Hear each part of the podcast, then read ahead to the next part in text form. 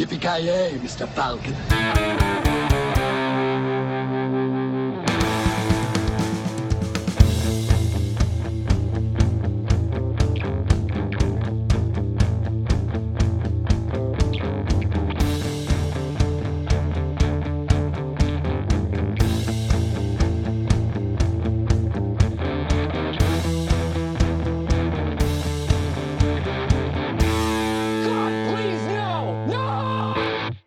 Tjena kära lyssnare! Välkomna till ännu ett avsnitt av Filmsmakarna. Vi kommer att köra en liten, eh, jag vet inte vad man ska kalla det, en catch-up på vad vi har kollat sedan eh, vi tog lite sommarlov här om, eh, ja, en månad sedan ungefär. Vi avslutade ju våran, jag vet inte vad man ska kalla det, förra säsongen lite grann med en sån där bara random vad har vi kollat på som vi inte har pratat på. Och vi kommer börja lite grann med samma sak, även om det inte var så länge sedan. Men trots att vi inte har spelat in så mycket avsnitt så har vi faktiskt kollat på grejer. I vanlig ordning så har jag med mig Joakim Ovoja från Luleå. Hur står det till? Eh, jag ger den där uh, presentationen en, ett solitt hantverk. Härligt, härligt. Vi tycker om solida hantverk. Det är den bästa typen av hantverk. Eh, det hade kunnat vara bättre. Du hade kunnat fila på den lite mer, men solitt hantverk. Trots att jag, det står bra till, he, helt okej. Okay. Värmen har ju kommit tillbaka. Efter att ha varit borta i typ en vecka. Så, och det kom tillbaka lagom till när jag fick några extra dagar ledighet så jag, jag är mycket nöjd. Ja, mycket fast, nöjd. Jag har ju sett att du har tagit väl om hand och väl vara på semestern och blivit distanslöpare också. Jag löper som fan. Började semestern med att få köpa ett par jävligt dyra vad heter det, joggingskor och så vidare. Och börja, körde, körde lite för hårt i början. Började springa typ så tre dagar på rad och så fick jag så ont i knäna och grejer. Så här, bara, kanske skulle ha tagit någon vilodag. Så, så nu håller jag på att spacea ut det lite och kör varannan dag istället. Det fungerar mycket bättre. Men förutom det så går det jävligt bra. Det är skönt, skönt att springa, gör det på morgonen. Antingen eh, när jag är ledig så antingen det är det första jag gör när jag kliver upp eller så när jag kommer hem från jobbet när jag har jobbat natt. Jag är fan här, imponerande. det här jag, jag är djupt imponerad alltså. Det här beteendet har pågått i en vecka då eller? Förstår jag rätt? ja, men på, alltså joggandet har pågått sen jag fick eh, som början på semestern. Så, så redan, ja vad blir det, fem veckor. Fy fan. Och jag har sprungit ja, tre gånger i veckan sen dess. Så jag har drygt, säg tre mil fast lite mer för jag springer ja, 11-12 kilometer. På en, på en timme ungefär. Eh, Så ja, det är gött. Ja det är fan, det är, det är riktigt jävla imponerande. Typ fan, så jag som är träningsnarkoman på att säga, är ju fan inte i närheten av den konditionen. Så att... Eh, Du är väl lite mer, eh, som, är inte du lite mer såhär, du är lite mer såhär gymmande och sånt? Jag vet inte, hur mycket löptränar nej, du? jag tränar inte jättemycket, men jag måste ju ändå hålla koll på konditionen och sånt där. Men det har alltid varit, konditionen har alltid varit min svagaste bit. Alltså ända sedan jag spelade fotboll som liten pojk så har det varit det som har varit svårast för mig att bli bra på. Så att, men det är smällar man får ta. Jag är, Men har, har du funderat på att sluta kedjeröka fem paket cigg om dagen? I Alltså, det- det inte- helvete! Alltså kommit med sådana jävla idiotförslag för jag vet att du gör det bara för att jävlas med mig. Men det, det var det, det, var det jag minns som snackade om Granström. Han, han kunde ha blivit nya Zlatan om han hade haft bättre kondis. Exakt. Ja, Om jag bara slutar röka. Du vet, det är, Ja. sällan, det är sällan man har så här nioåriga pjattar som eh, vägrar släppa ciggen, men nej, det gick inte för mig alltså. Granström nio Ja. bar efter med fyra cigg samtidigt och röker. Exakt. Ja, ja, från eh, två träningsnarkomaner till mannen som vägrar träna, Kent från Piteå. Hur står det till? Ja det är bra, det är bra. Träning är för losers som jag brukar säga. Eh, Jag kör vinsnil eh, linjen så att säga. Alltså när man, när man har nått så högt som man bara kan nå, då finns det ingen mening att träna för att bli bättre. Exakt. Du, du, Men jag tänker, du Vince har nådde väl ändå- toppen jävligt tidigt helt enkelt. Jag tänker Vince Neil har väl ändå uppnått någon typ av eh, utopisk eh, ideell manskropp så han behöver ju som inte träna. Men han, han är Nej. som dig, han är i sitt livsform. Alltså han har aldrig låtit bättre, varit bättre eller betett sig Nej. bättre än vad han gör nu. Så jag tänker han kan ju, han kan ju låta, ta det chill lite grann. Han kan ju kä- käka någon burgare och han har förtjänat det. En burgare eller två. Han har Ja, förtjänat ja han förtjänar det. Han är ju så, jag menar, han har ju legat i. Ja, Han tog ska- fan i typ två år där mitten på 80-talet. Ja, han och The Rock, de har väl samma typ Ja. av diet. Jag, jag skulle tro Ja. att hans eh, minimala svullnad inte beror på mat utan snarare någonting eh, annat. Men eh, Coke Ja, bloat is okej. a thing. Det kan vara... Kanske en liten ölkagge också, jag vet inte. Någon bärs. Den mannen är renlevnadsmänniska, han skulle aldrig dricka öl. Nej, han äter ju bara raw Det är food bara cannabis. Eh, och dricker bara vatten från eh, Japan. Ja, just det. Direkt importerat. Och sjunger som en gud. Ja, ja, han, han har ju aldrig haft den där resten annars. Och framförallt inte Nej. det där fotografiska minnet att komma ihåg texter och, och allt. Ja, Men alltså det här, det här är hjärnan att kunna skapa texter på, alltså snabbt och så djupt. För, för att citera en. Lulebo, eh, fotografiskt minne men ingen film i kameran.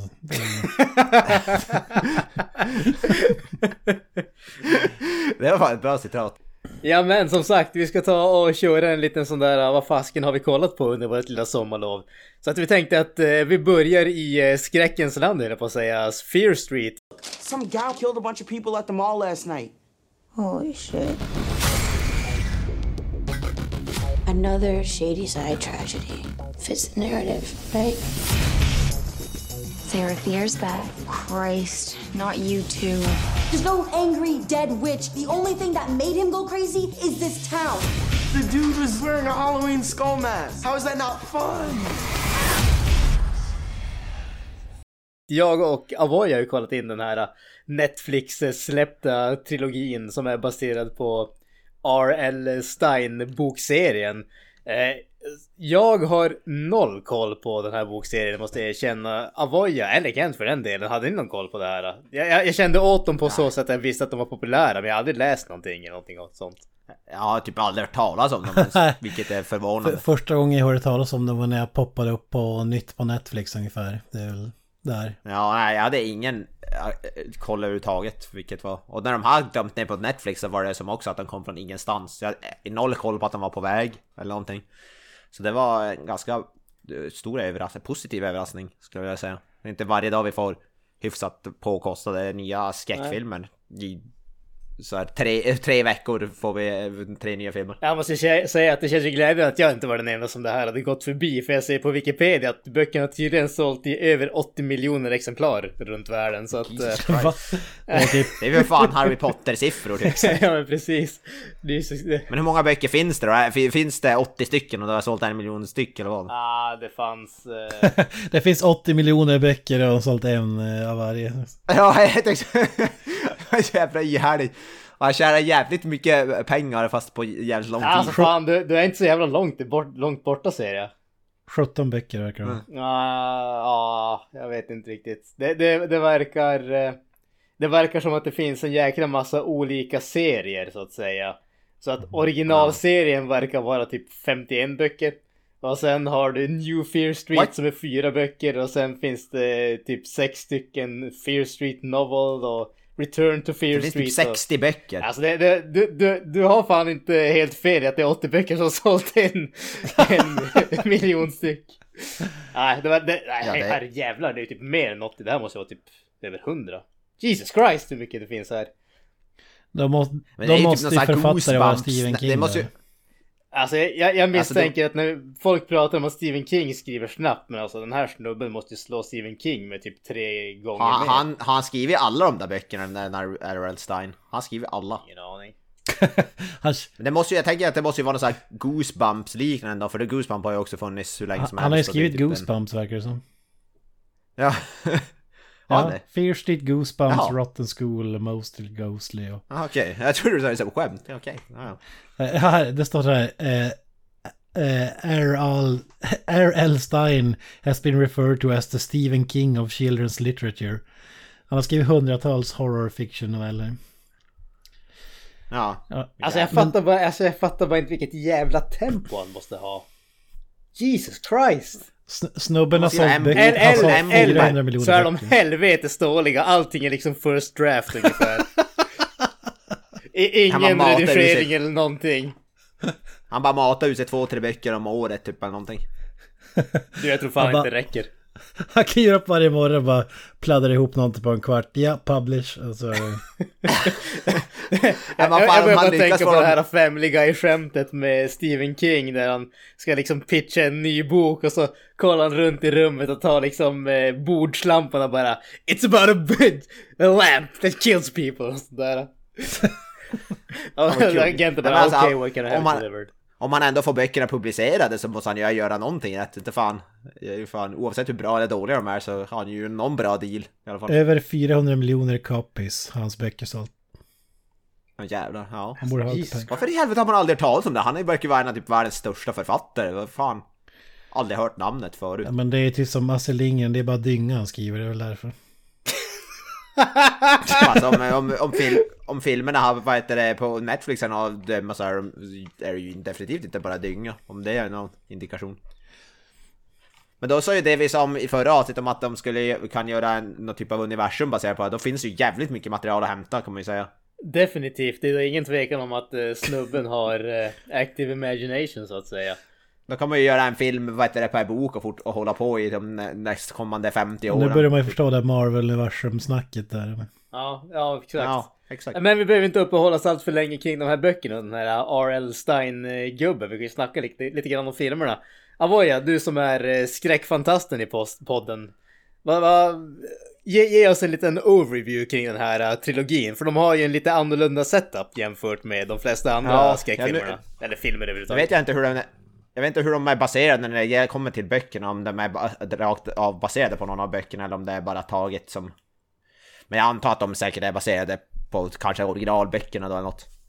Men det är då i alla fall, det börjar ju, första filmen är 1994 tror jag, yes. eller sådär. Eh, börjar ju med, ja alltså det börjar ju i princip som en ganska typisk slasher-film, att det blir någon mord på, på någon galleria. Eh, som typ drar igång hela grejen och sen Eh, från, från det så, vad heter det, ja. Jag vill inte spoila för mycket men det, i alla fall så, så nystas det ju upp hela, hela grejen och att det är typ det är inte bara mord på ytan utan det har väldigt långtgående förklaring då om varför det- det sker mord i den här staden och det, man får reda på att det har hänt en, i den här staden har det skett massa mystiska mord genom ja, flera hundratals år. Och grejen med den här trilogin är att de utspelar sig i samma eh, stad fast under olika ja, århundraden. Om, omvänd kronologisk ja. ordning kan man säga. Första filmen Ja. utspelas 1994, andra 78 och den tredje filmen 1666. Ja, precis. Då, då då får man en så här period. Eh, Första filmen har en vad det, typ av mördare, nästa film. Då får man gå tillbaka till eh, 70-talet och, och se. För de, de refererar ju varann. Första fil, I första filmen refereras, ja, ibland, jag tror de två båda, det som händer i båda två kommande filmerna pratar de om i alla fall i förbifarten. Ja. I första filmen. Och de är ju väldigt kopplade till varann ändå på ett sätt, för de hör, de hör ju ihop. Eh, Medan tredje filmen som sa 1666, den, den är, de två första är lite mer typ, första filmen är typ lite mer scream slasher kan man säga, lite mer modern slasher. Andra filmen är väl kanske lite mer 80-tals, 70-tals, vad heter det, fredag den 13 old school slasher. Medan tredje är någon typ av nästan The Witch, häx, eh, vad heter det, skräckfilm typ. Eller mer, vad heter det, superövernaturligt. Ja, de som har sett The Witch, det, det var ganska, ja, det var den jag kom att tänka på när jag såg sista filmen. Så det är tre hyfsat, eh, ja, olika filmer på många sätt. Eh, Men, och den tredje är väl två delar kan man säga, för den utspelar sig också till stor del på 90-talet där. Men de ska i alla fall, det är ett gäng tonåringar som ska, vad heter det, ta reda på varför det här sker och vad, det är så, någon, man kan säga att utan att spoila för mycket så är det någon typ av förbannelse som ligger över staden utan att men det, det, det är inte att säga, för mycket tycker jag. Eh, någonting som sker i alla fall och har skett i flera hundratals år. Och det är det som är grundstoryn. Och det är ganska ändå intressant tycker jag hur de vävs ihop och refererar till varann och så vidare. Jag tycker de sitter ihop. De, jag tycker de står ändå på bra ben själv filmerna alltså, men de hör ändå ihop på ett snyggt sätt tycker jag. Vilket jag kan uppskatta. Eh, Jag vet inte, vad tyckte du Jansson? Du har ju sett dem nu också. Ja men alltså på, på det stora hela så är jag väl hyfsat positiv ändå. Som du säger, alltså just den här grejen. Det, det här i och med att de släpptes, eh, tre filmer de släpptes en vecka i sänder eller en vecka skilt. Efter ja, precis, efter Mm. varandra. Eh, Eh, det, det, man fattar ju att de är gjorda samtidigt, spelade in back to back och då det är liksom skrivet för att allting ska höras ihop och trådar ska knytas samman i en film och liksom leda vidare i nästa och sånt där. Och det, det tycker jag ändå är välgjort. Eh, att det är liksom saker som följer med genom hela trilogin och allt det där. Det, det är snyggt gjort och välgjort. Sen överlag tycker jag faktiskt att det, det är som, som vi pratade om tidigare, alltså Netflix-filmer Netflix -filmer brukar ju som ha en viss, vad ska man kalla det, en viss stil som alltid känns lite samma hela tiden kan jag tycka. Och det gör också att de känns alltid lite sådär halvbilliga och sådär. Och den här filmen måste jag säga, tycker jag, den, de här filmerna tycker jag att de har lyckats göra det gode så väl. Alltså det känns givetvis, man märker att det inte är någon Hollywood blockbuster eh, budget på det här. Det är inte hundratals miljoner som vi ser på Eh, på skärmen. Men det känns aldrig riktigt billigt tycker jag. Det känns ändå välgjort och välskådespelat och sådär rakt igenom. Det stora, alltså det, den här grejen. Den här filmerna, de här filmerna har ju ett stort problem kan jag tycka och det är att de har inga karaktärer som jag faktiskt tyckte speciellt mycket om. Jag, jag tyckte att alla var väldigt självupptagna och eh, enerverande i stort sett, förutom huvudkaraktärens lillbrorsa i första filmen. Första två filmerna tycker jag sänks ganska mycket faktiskt på att eh, karaktärerna är inte så... Jag tycker inte om dem helt enkelt. Tredje filmen, bisarrt nog, tycker jag är den klart bästa här alltså. Jag, jag skulle mm. säga att de, för, de ja, första filmerna är liksom solitt hantverk, eh, typ 6 av 10 ish. Och jag skulle säga att den tredje filmen, den går ändå upp en bit. Och sen skulle jag säga 7, 7,5 av 10 för mig. Jag tyckte speciellt den första hälften som utspelas på eh, 1600-talet tycker jag var eh, riktigt välgjort faktiskt. Eh, sen så, som sagt, det, du spelas delvis 1994 den också. Den biten tyckte jag var mindre intressant.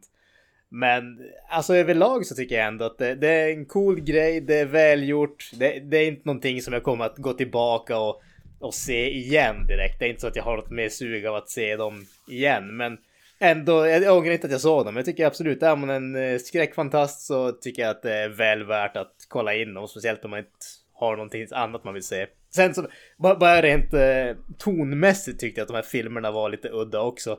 Därför att väldigt stora delar av dem känns som så här eh, PG-13 skräckisar. Det är aldrig riktigt skrämmande eller sådär. Man blir aldrig liksom så här sitta och oh, liksom obehagligt om man säger så. Och sen rätt vad det är så kommer det typ värsta våldsscenerna någonsin. Alltså... Mm. Det, ja, det, var, det var väldigt, men det tyckte jag, de hade extremt bra dödsscener tyckte jag, för det var väldigt mycket användande av praktiska effekter. Alltså det, det, är ju riktigt välgjort, men det känns som att det, det är som liksom PG-13 99% av filmerna och sen är det dödsscener där liksom hårdaste R-ratingen någonsin. De har ju inte sparat på krutet om man säger så. Ja, det är det som jag gillade minst med filmerna, att de har så, vissa det kändes nästan som så barn, alltså det kändes som Goosebumps, ena halvan, så barn, det ska vara mycket så här tonårstjabbel och sånt ja, där. Ja, men det, det, det känns som att de har liksom, de, de, har tagit bort äggen, de har, de har liksom tunnat ner det för att det ska vara kännas säkert för alla. Det, det är det som jag stör mig lite grann mm. på. Ja det, ja, ja, det tycker jag väl det är det sämsta. Man hade kunnat dra ner på det och haft lite mer mörker. Men nu är det så här att det ändå det och det ska vara... Eh, eh, ja, nu vill jag inte säga men det ska vara slutet gott, allting gott inom, eh, utan att spoila för mycket men det, det är inte så stor spoiler heller tycker jag. Men det är lite sådär att det ska...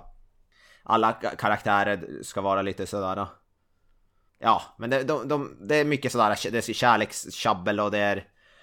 Det är sådana drama och sådär som jag inte tycker passar in i alla fall. Eh, de delarna gillar jag minst. Men sen eh, skräckdelarna tycker jag faktiskt är, är riktigt välgjorda. Morden är faktiskt ett brutalt mord i typ första filmen när någon får sitt huvud slicat i någon jävla typ köttmaskin. grejen där alltså. Det, det var... Ja. Det, det, kan vara bland det... det grövsta jag sett på jävligt länge alltså. Ja, ja den scenen var faktiskt...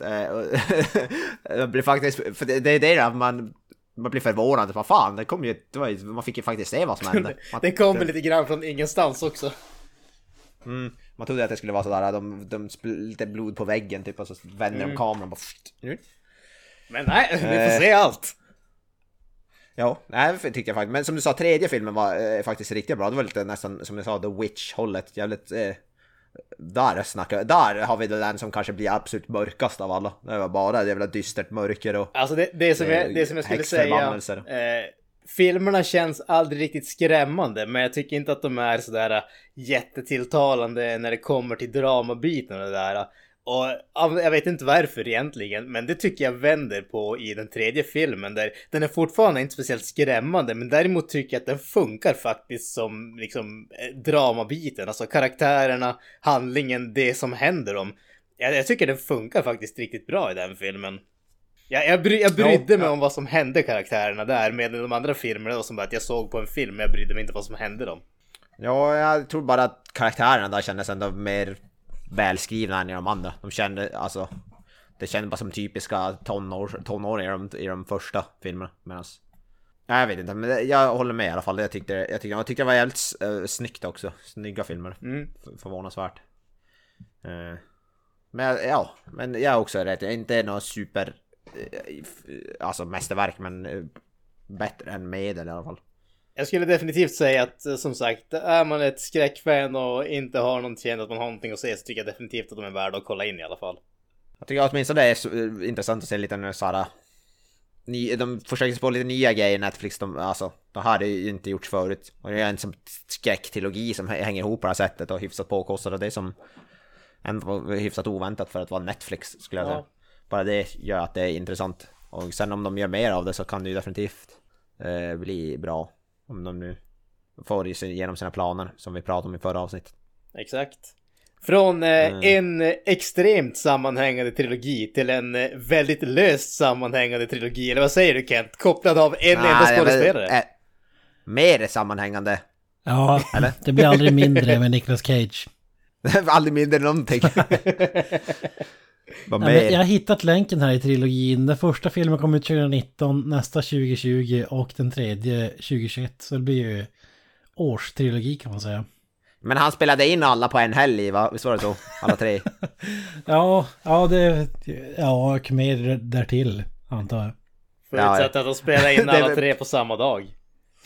Ja. Du vet, de, de hade bara liksom scenerna bredvid varandra och så hade han liksom folk som var beredda med typ en ny jacka och en ny hatt som stod mellan och spelade in bara scenerna. Ja, det, boom, boom, boom. jag, tänker, jag tänker att när man byter däck på såhär eh, Formula 1 race att det är så. De bara hoppar på dem. Exakt. Sliter av och på. Så går han mellan. Och Nick Cage, Nick, Nick Cage är Hollywoods motsvarighet till stallteamen i F1. Ja. Han sitter inte på någon ja, stol som Tommy Lee Jones utan ja, han kör. Ja, det är för fan. Han är ju en method actor. Fan, han har två ben och han ska använda dem till att gå. mm. Tänk när han kommer upp i Tommy Lee Jones-stadiet. Han, han kan bara sitta på sitt eget kontor på en stol i alla filmer. Helvete vad filmer han kommer med i. För han kommer ju bara kunna bata dem. Jag sitter på ett och samma ställe. Ja, om han gör mycket filmer nu. Ja. 90-åriga Nick. Cage kommer jävla att gasa. Ja, Jesus. Och han kommer göra så jävla mycket bara genom att sitta. Han kommer ju kravla över hela den där jävla stolen. Exakt. Ja, det vet man. Hur gammal eller död han än må vara så är han alltid jävligt livlig. Ja. Ja, men du har sett på, vad, vad, vad fan är det du har sett på? Vi, vi börjar med den 2019 då, vad, vilken film är det? Ja, vi börjar med det svagaste kortet enligt mig. Eh, en film. Så bara 9 av 10 eller? Man kan säga, det här är ju The Summer of Cage för mig. Jag har ju biffat upp min Nicolas Cage-samling i Blu-ray-hyllan. Med, jag är uppe i tvåsiffrigt antal köp. Så jag har väl Jävlar. tusen och då har, du gjort, då, då, har du, då har du köpt in de filmerna han gjorde typ förra veckan. ungefär. ja. Och den, den, här filmen sålde vår trogne lyssnare Sven Stick in. Eh, han, han hade sett trailern och beskrev den. Han menade att det kunde vara en... Yeah. Ja, just det. Snakes on a plane fast med pantrar och på en båt. Med Nicolas Cage. Ja, just det. Panthers on a boat. Och var det så magiskt? Det, var det så magiskt? Jag tror att han skulle skriva baksidan på de här filmerna. hade nog sålt eh, mer än vad de hade gjort. För att ja, tyvärr var det inte så episkt. Du pratade om alltså om Primal från 2019.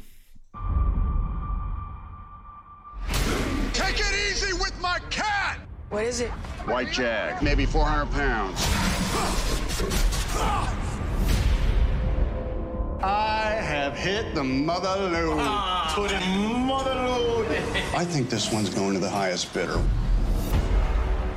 Ja, just det. Eh, Men eh, bra eh, rollista ändå. Alltså Famke Jensen, Granström. Ja, just det. Precis. Magisk. Kevin X- Durant. X-Men, Jean Grey. eh, vad heter? Goldeneye. Ja just det, hon spelar Jean Grey va, i X-Men. Ja, precis. Eh, Kevin Durand, eh, Michael Imperioli, det är alltså Christopher i eh, Sopranos. It, it goes on and on med personer vi inte känner till efter det. men men då, Men då, eh, fan Kevin Durant, han är ju kung. Han är ju i X-Men Origins Wolverine, han är ju den här stora tjockisen. just det, det, Som, som vad heter det, Hugh Jackman slåss mot i en, vad heter det, så här boxningsring. Ja The Blob eller något sånt där. Ja, vad heter det? precis. Ja, exakt. Fan vad sjukt. Famke Jensen för övrigt typ så plastikopererad att man knappt känner igen henne i filmen. Ja. Alltså jag, jag vart ju typ chockad måste jag säga. I- Inte för att jag är inte en som brukar klaga på folks utseende. Jag klagar på att de andas och sådana saker, men jag klagar inte på folks utseende. Men alltså jag kände fan knappt igen henne i den här filmen. Eh, nej, jag vet inte om det kanske var character actat uh, utseende. Men jag håller med. ja. det, det ser inte ut som Tragiskt. riktigt som man minns henne. Nej. Eh, med det sagt så är det inte, vad heter hon, Versace, Donat, vad fan heter hon? Ja. Donatella Versace. Ja exakt. Då skulle jag säga att Durand ser också jävligt plastikopererad ut måste jag säga. Eh, Jag tyckte han såg jävligt eh, plastig ut i den här filmen. Alltså jag vet inte, han, det är någonting med hans mun som alltid får mig att... eh, Som ser jävligt mysko ut tycker jag. Men det har han alltid gjort. Det kan vara hans del och skådespeleri också som gör att man tänker att han inte har några nerver kvar i ansiktet. kan vara det.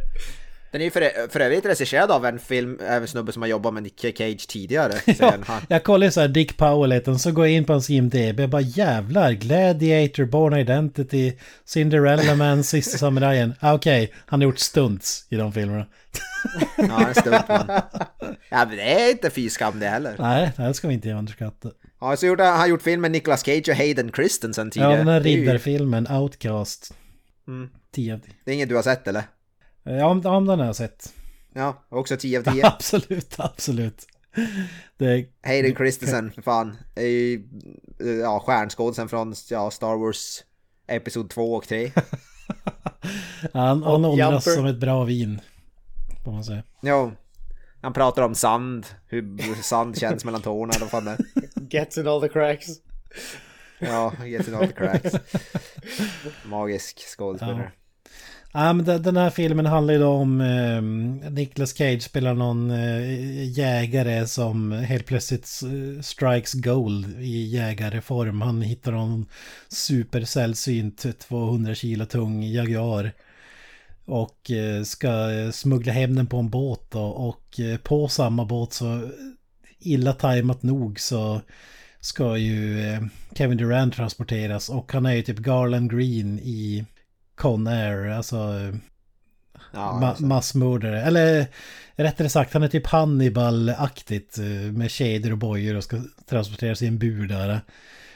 Eh, men eh, under den här båtresan, ja under den här båtresan följer det med ett gäng FBI-agenter eller vad fan det är som ska hålla koll på honom. Men han rymmer ju förstås och eh, släpper loss alla djur så nu måste Nicolas Cage jaga både den här jävla jaguaren och en massmördare på båten. Och det låter mer spännande, spännande än vad det är, eller vad säger du Granström? Det låter ju som 10 av 10 film tycker jag. Alltså som sagt, det, det, som du säger, det låter mer spännande än vad, än vad det är. Eh, jag måste ändå säga att jag tyckte att den här filmen var lite småunderhållande, men det är inte direkt en film som sätter eh, djupa spår i minnet om vi säger så. Grejen med den här filmen, så som allting annat, det, det är ju alltid Nick Cage som är behållningen. Exakt. han är, jag tycker han är ganska skön som den här eh, snubben som han gör det han måste och sen är han typ ett asshole mot alla bara för att han kan vara det ungefär. Ja, det, det tycker jag är underhållande att se men resten av filmen är inte så det är jättekul att se egentligen. Plus att den där jävla jaguaren eller pantern eller vad fan den är, CGI-en där är ju inte direkt eh, 100% om vi säger så. Så ni menar att Nicky Cage inte spelar, jag trodde han spelade Jaguaren. Det, det var ju Han tråkigt. gjorde det också, han gjorde mocapen. Ja, okej. Ja. Ja.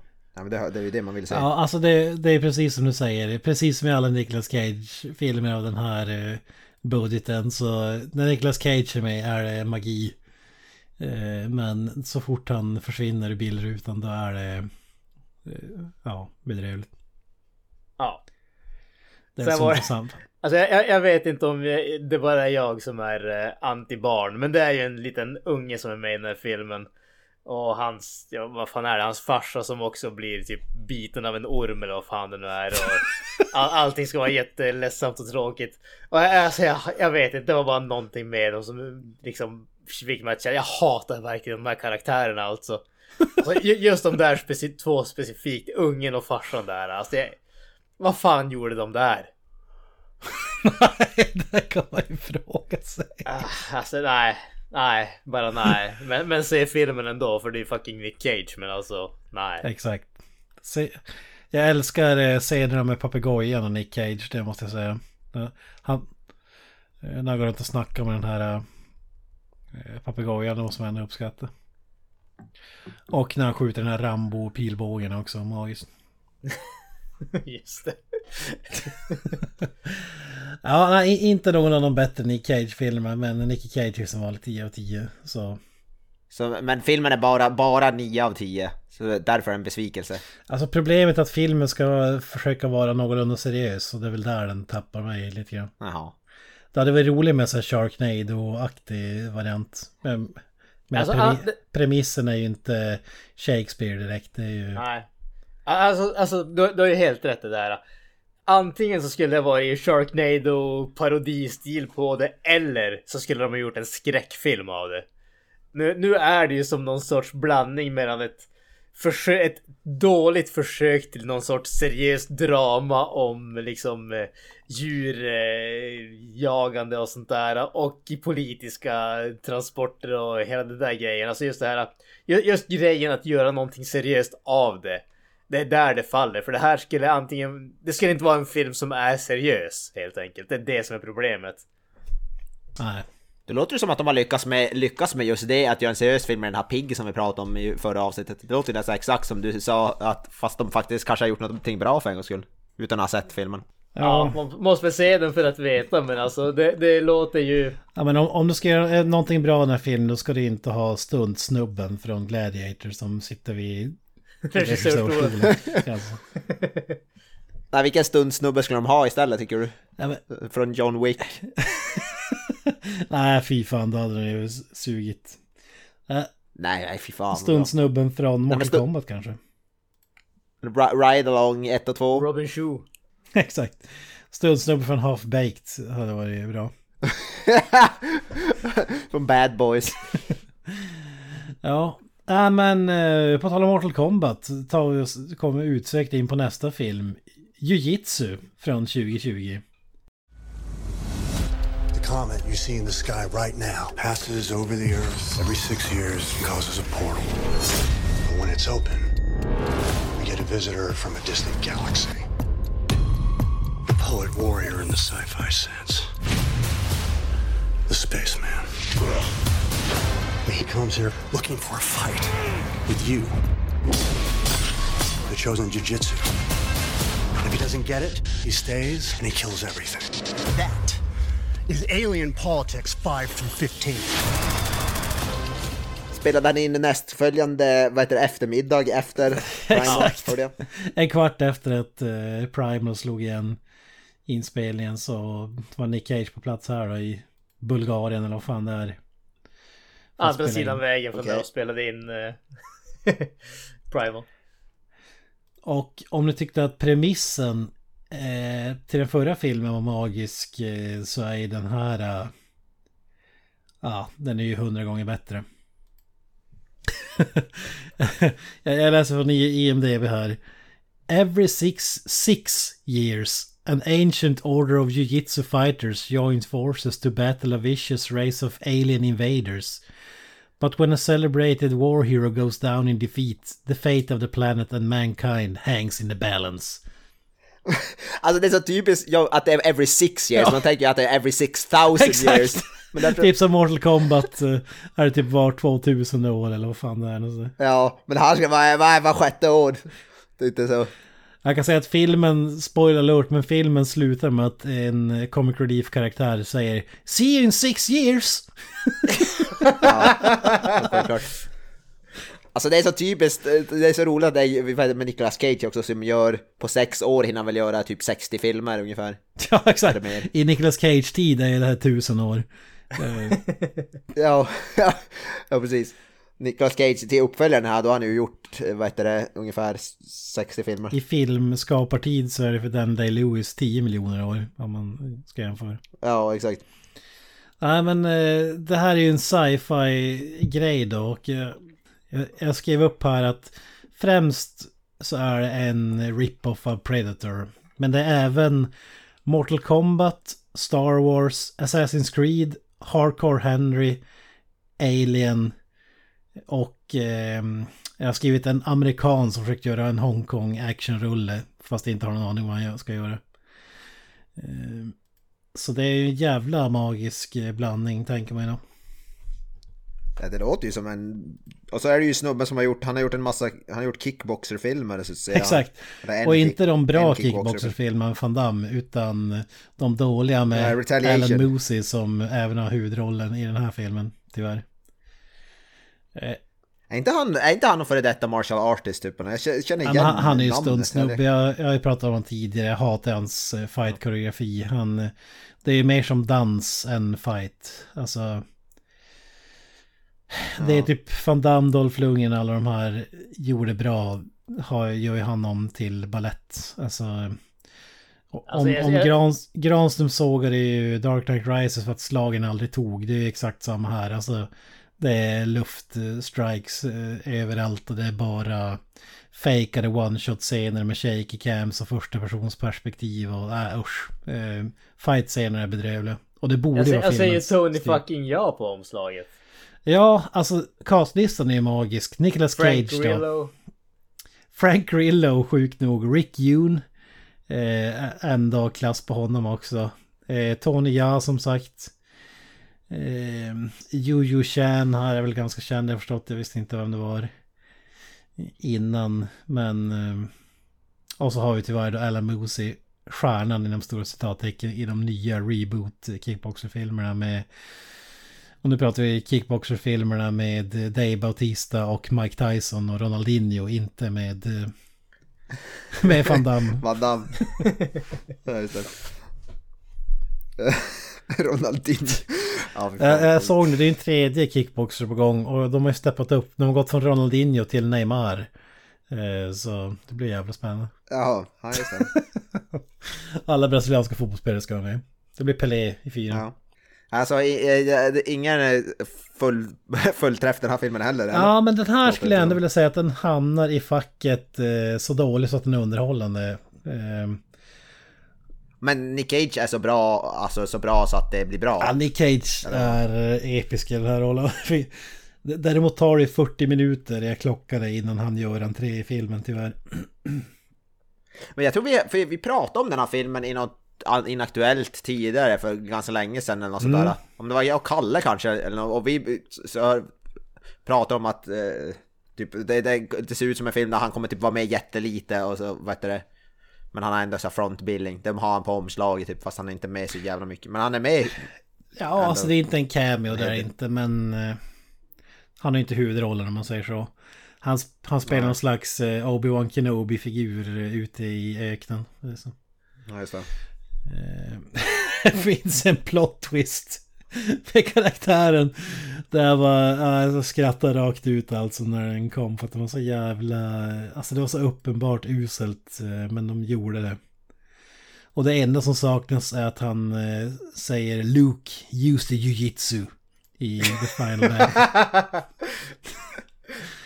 det är riktigt... Det låter ju som... Är, är, är plot-twisten att någons farsa är utomjording? Nej, nej, men du är inne på rätt spår. Du, du är otroligt nära.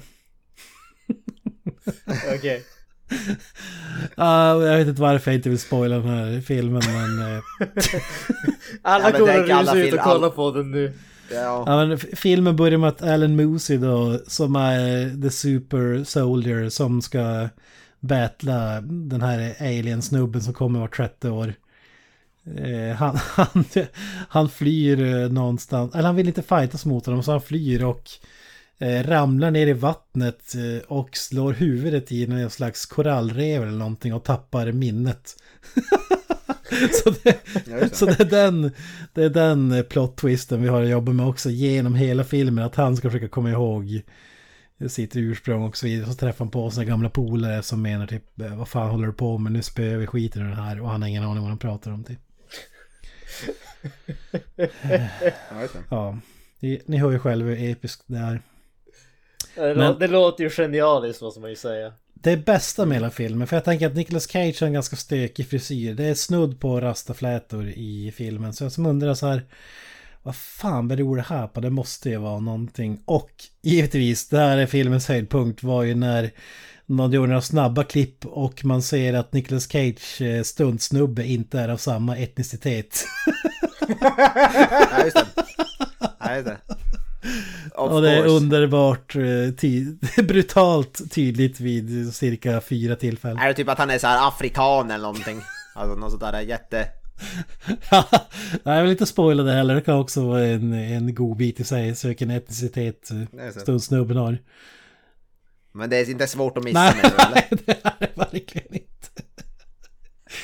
Och, och det är som att de bara de ser det men de skiter i det för att... Ja, vi, Ja, Men man gillar ju ändå sånt att de, de typ, de kör bara på. De behöver som inte försöka förklara utan det är bara...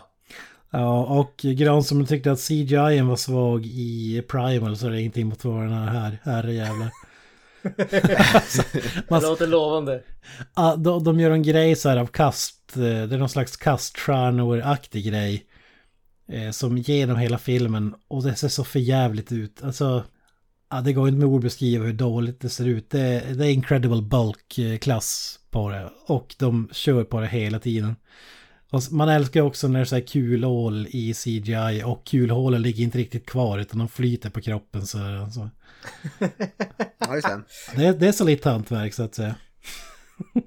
Men alltså vi, vi kommer ju få en uppföljare snart för filmen har ju faktiskt, säga på IMDB står det Worldwide eh, Gross 99 000, unge- ungefär 100 000 dollar har han dragit in worldwide. Mot en budget av... Eh, ja, det vet jag fan, men säkert minst, minst hälften av det. Ja, alla fall. långt, långt, långt under. Ska jag tro. Eh, Ja, men också är det så här serietidningspaneler också mellan scenerna. Alltså det är som... Det hade fan i mig 25 miljoner dollar i budget hade den alltså. Jesus. Och Nicolas Cage fick fem av de 25 miljonerna tydligen står det för. För tre dagars arbete fick han 5 miljoner dollar. What the fuck? Alltså det- 25 miljoner, den har dragit ut in, enligt IMDB drygt 100 000. Ja, det är ju en succé Det, eller? alltså Men jävlar. det här, det här måste vara en straight to stream eller DVD. Alltså, Nej, de- vet, de- vet alltså, vad de det har ju- här är? Det här är en sån där uh, scam som för att uh, tvätta pengar. Tack. Men jag tänker, de har ju för fan inte ens dragit in vad det kostar ju affischen till filmen. Alltså, de, de kan ju fan inte ha dragit in Nej men, det, eh, nej men det är det som är grejen. Det här är en scam för att tvätta pengar. Du säger att den här filmen har liksom en jättehög budget. Så att Alltså, du ska liksom, och sen så i verkligheten så har du få, fått liksom 100 000 för att göra filmen. Och så har du bara kört pengarna genom produktionsbolaget för att tvätta dem och så kan du ta dem efteråt. För att då, då har de gått till filmen så att säga. Det, det är ju det, det här är en scam. den Det, filmen, det, det som stärker ditt påstående är att det är den första Hollywood-produktionen som blir filmad på Cypern. Och så läser jag här på IMDB Trivia, Nicolas Cage replaced Bruce Willis. Ja just det, ja. Bruce Och enligt Nicolas Cage Alltså, så hade han Willie 25 mil- Nelson och Vin Diesel som inspiration till hans karaktär. Underbart. Alltså 25 miljoner dollar i budget, jag, alltså in, utan att ha, sett filmen så låter det otroligt. Men det, det är så jävla kul för att eh, när jag läste så här inför filmen då var det så här regissören eller vem det var som sa att eh, Nicolas Cage tränar jiu-jitsu så han, han gör 80% av sina stunts själv och han gör mycket själv, det ser man. Och jag älskar han har ju bland annat så Jackie Chan eller Bruce Lee-grej, du vet eh, Granström som brukar ha med så snabba händer. Ja. Eh, men här går det i slow motion och det är alldeles underbart. Det, han, han gör sitt bästa för att eh, köra Bruce Lee eller Jackie Chan men eh, han gör Nicolas Cage och det är ju ep episkt. Men det, det roliga är att filmen heter Jiu-Jitsu. Det finns inte en sekund av Jiu-Jitsu i hela filmen. Alltså, det är också jävligt underbart.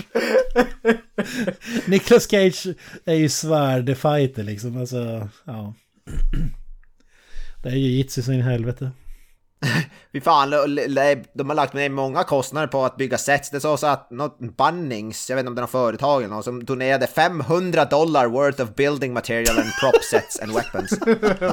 500 hela dollar. Jag kan säga att 25 av dem gick till att göra utomjordingens dräkt.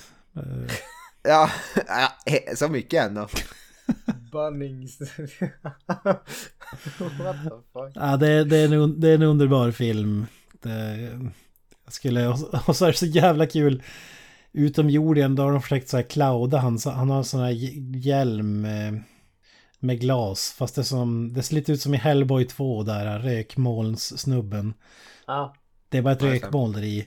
Men ibland så blixtrar det till och då får man se ansikte på utomjordingen. Och det är som att det är som att Nicolas Cage har klippt ut eh, en eh, panel ur en Marvel Comics eh, och klistrat fast den på baksidan av galler för det ser så jävla dåligt ut.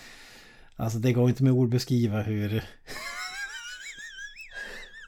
alltså det, det, det är inte en direkt eller en gummimask eller någonting utan det, det är bara någon som har tagit så här wingdings eller någonting och lagt in som ställer blixtra till det är fantastiskt.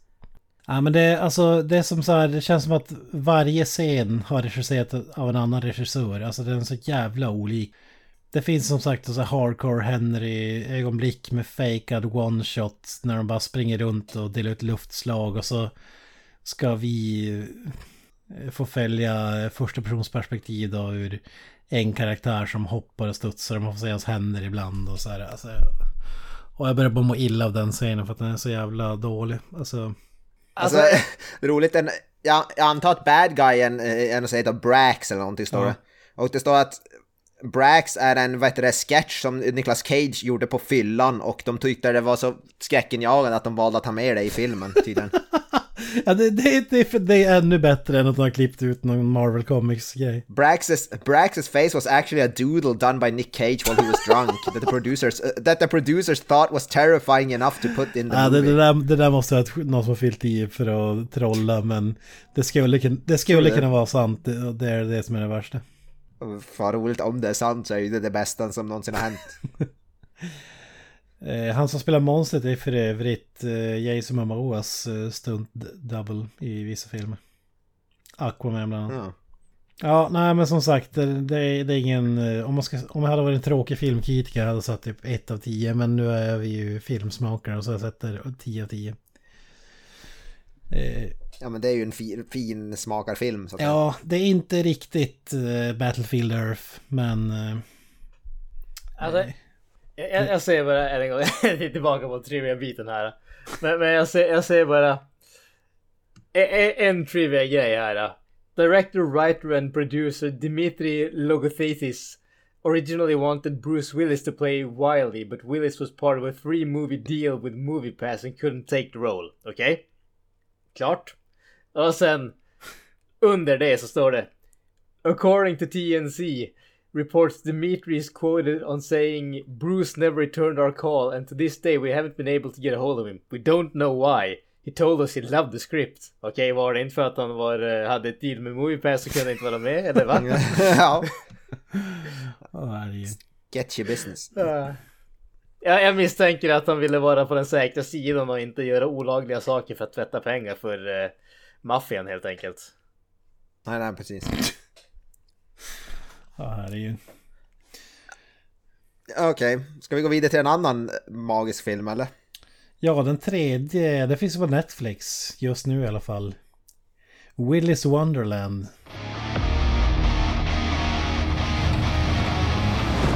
Welcome to Willy's Wonderland. Spend the night cleaning Willy's Wonderland, and I will pay to have your car fixed. Deal? You are officially on staff. Let's get the hell out of here.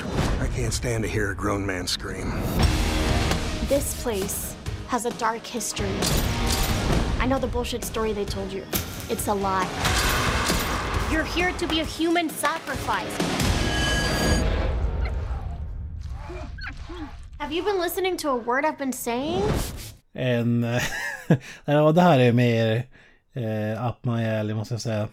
Vad säger du Granström? Hur ska man beskriva handlingen i Willys Wonderland? Alltså det här är, ja men det här är ju den här på sätt och vis så finns det ju en eh, liten västernkänsla kan jag tänka. Alltså det här är liksom Nick Cage är the lone gunslinger ungefär. Ha, I den här filmen så kör han en bil som eh, går sönder och eh, måste repareras. Han säger inte ett ord. Han har inga pengar så han tar ett jobb för att kunna betala reparationen. Eh, I västern så är det liksom han tar ett jobb för att eh, liksom kill some outlaws ungefär och för att betala mat och husrum eller det han behöver hjäl ha hjälp med och sådär. Och han blir, eh, får jobbet att han ska re rengöra en ja, Willis Wonderland, en typ eh, temapark för ungar med en massa animatroniska djur ungefär. Eh, och eh, det visar sig sen att när mörkret faller så kommer, då börjar de här eh, animatroniska djuren börja leva därför att de är typ eh, vad ska man säga, de är, de är besatta av eh, själar från tidigare seriemördare. Och Nick Cage eh, helt enkelt måste döda dem därför att de stör honom när han ska rengöra det här stället. Ja, ja men det glömde ju stora twisten är att de lurar ju, de, eh, de fångar som in flugor. De har gjort en deal med de här monstren eh, hela stan. Eh, att eh, de, de, om de förser dem med mat och kastar in främlingar där eh, i huset så låter de eh, stadens barn vara. Då mördar de bara främlingarna som de kastar in så att säga. Men nu, nu blir twisten här som att men de har ingen aning om att uh, visar, visar sig att uh, Nick Cage är som badass att He's not locked in with them, it's them who's locked in with him. Så... Ja, Snott från The Watchmen rakt av. Ja. säger de den de säger det i filmen, i filmen? Ja. Ja. Ja, det är ju från Watchmen ja. Kul. Ja, så det, det, det var något tv-spel här, så Freddys... Uh... Uh, Five, Nights, Five Nights at Freddy's är väl typ en rak kopia av handlingen i princip. Ja, Måste erkänna att jag aldrig den... spelat det så ska jag inte uttala mig. Nej, inte jag heller. Men det, det handlar om att det är skräckspel och som det handlar om att någon typ av nöjespark som har animatroniska djur som försöker döda dig i princip. Och det finns typ 75 000 sådana, alltså det är en fruktansvärt stor och populär franchise av tv-spel. Ja. Och det här ska väl vara typ Five Nights at Freddy's The Movie kan man väl säga. Som jag har förstått Ja, jag tror inte att Nick Cage säger ett ord i hela filmen. Om jag... Nej, jag tror inte. Nej, jag har hört det också fan. Det är ju, är det inte därför man har Nick Cage i en film? För att han ska säga en massa crazy shit. Men det är samtidigt bara Nick Cage som kan ha huvudroll i en film utan att säga ett ord. Man fattar ändå allt vad han gör och det är magiskt ja, skådespeleri. Ja, han säger ett mycket med sina... Han är ju som lite, lite så gummi, lite som Jim Carrey, lite så här... Hans gummiansikte, han kan göra mycket med sitt ansikte. Ja, men han, han gillar det med Han gör inte så mycket med ansiktet i den här filmen. Nej, faktiskt inte. Förutom att se lite irriterad ut när det går dåligt när han spelar pinball. ja, det är så jävla bra. Det är, det är fan så. Mellan varje sån här animatronics eh, djur han dödar så måste han spela flipper och dricka någon slags eh, Monster Energy Drink-aktig grej. Och, och det leder ju ibland till att eh, andra karaktärer, ja, stryker med för att han har inte tid, han måste ta den här supen. Tycker det var en rolig detalj alltså. Ja, ja, men det, det är som en slasherfilm. Det är typ uh, Meet the Feebles blandat med... Ja, vet fan, 413 eller någonting. Är det så magiskt som det låter eller är det, låter det bättre på papper? Jag tyckte fan om den alltså. alltså det, det, det låter ja, jävligt jag, jag bra på papper. Det är inget mästerverk som så. Men, men jag tycker att den är kul. Alltså den, den, är, den, är, den är jävligt underhållande tyckte jag. Alltså filmen inleder med att eh, Nicolas Cage går en fistfight med en animatronisk struts. Bara det måste ju... det sätter ribban redan där alltså. alltså det, det, det, det, är inget mästerverk. Eller ja, i och för sig på... För den typen av film det är så är det kanske ett mästerverk. Jag vet inte. Men är den lika bra som andra halvan av Mandy? Nej men det går inte att jämföra de två. Okay. Det, här är, det här är ju movie schlock så det bara sjunger om det. Alltså... Jag antar att de kommer undan med en ganska låg, alltså eftersom det är typ robotar, att de, det är hyfsat, den är typ barnvänlig nästan, eller? Är det PG-13? Jag kan inte tänka mig att den är speciellt våldsam. Jag vet eller? inte, för de brukar inte vara lika hårda när det inte är människor. Nej, det är det jag tänker. Att de har smart sätt att få ner åldersgränsen Nej. på den och ändå ha en hyfsat Ja, nej, precis, precis som du säger Avoya. Alltså det, det är ju... Den är ju väldigt våldsam, men det är ju inte, alltså ett, det är ju inte obehagligt. Det, det är ju som, som du säger, det är ju inte människor, utan det är de här animatroniska figurerna som, ja visserligen så är det några människor som stryker med, men det är ju ändå inte de där extrema våldsscenerna. Det, det, det är ju, alltså som sagt, scenen är liksom, eh, vad heter han? I stort sett, när Cage i stort sett curbstompar en eh, animatronisk grej på eh, liksom pissoaren eller vad fan eller toaletten. Det, liksom, det hade nog inte flygit eh, om det hade varit en människa men det, det funkar, det är fan humoristiskt när det är en animatroniskt djur. Ja. Alltså det, jag tänkte lite samma som man gjorde Alita Battle Angel då, den var rätt brutal, alltså bra actionscener men det var bara robotar så det kom...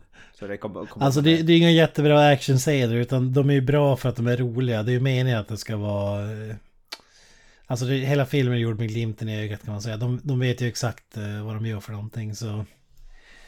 Det, det är ju bara till filmens uh, fördel tycker jag. Det låter ju faktiskt magiskt. Jag vet inte varför jag inte har sett den än. Det är svårt att rekommendera den. För man måste rekommendera den till en viss sorts eh, filmsmakare. Så att säga. alltså om vi säger så här. Är man den typen av person som lyssnar på en podd som våran, då tycker man förmodligen att det här kommer att vara en helt okej okay film. Alltså gillar man typ så här Killer Clowns from Outer Space och typ sådana filmer, då är det här någonting för dig ska jag säga. Är det den bästa av de här tre filmerna? Du, så det verkar som att det är, den faktiskt har någon typ av eh, genuint underhållningsvärde och inte bara slock. Ja, alltså... Människodelarna är ju inte top notch. Och när vi inte har Nicolas Cage så är det kanske inte alltid top notch. Men jag tycker det är underhållande genom hela filmen. Alltså... Filmen jag pratade om tidigare då zonar man ut för att Nick Cage inte är med. Men uh, här tycker jag ändå att ändå inte att man gör det.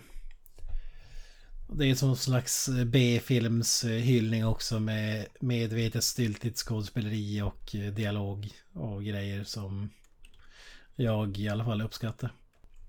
Jag antar att det inte kan vara så mycket dialog om inte Niklas Cage säger ett enda ord då, eller? Nej, men det har ju andra som får köra exposition åt honom så att säga. Och får berätta för publiken vilken badass han är. Vad fan står han bara typ nickar och grymtar eller vad fan gör han? Jag, vad?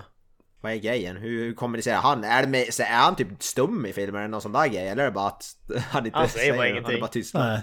Alltså det, det, här känns som en sak att Nicolas Cage, vi vet han får ju för sig grejer i vissa filmer. Bara, han dök upp on set, han hade egentligen 10 000 repliker men bara kände att den här karaktären säger inte ett ord i den här filmen. Och så fick de jobba med det. Och ingen ville säga emot honom. Can you like try saying it? No! He does not speak. Ja, den känslan får man och man älskar ju det alltså.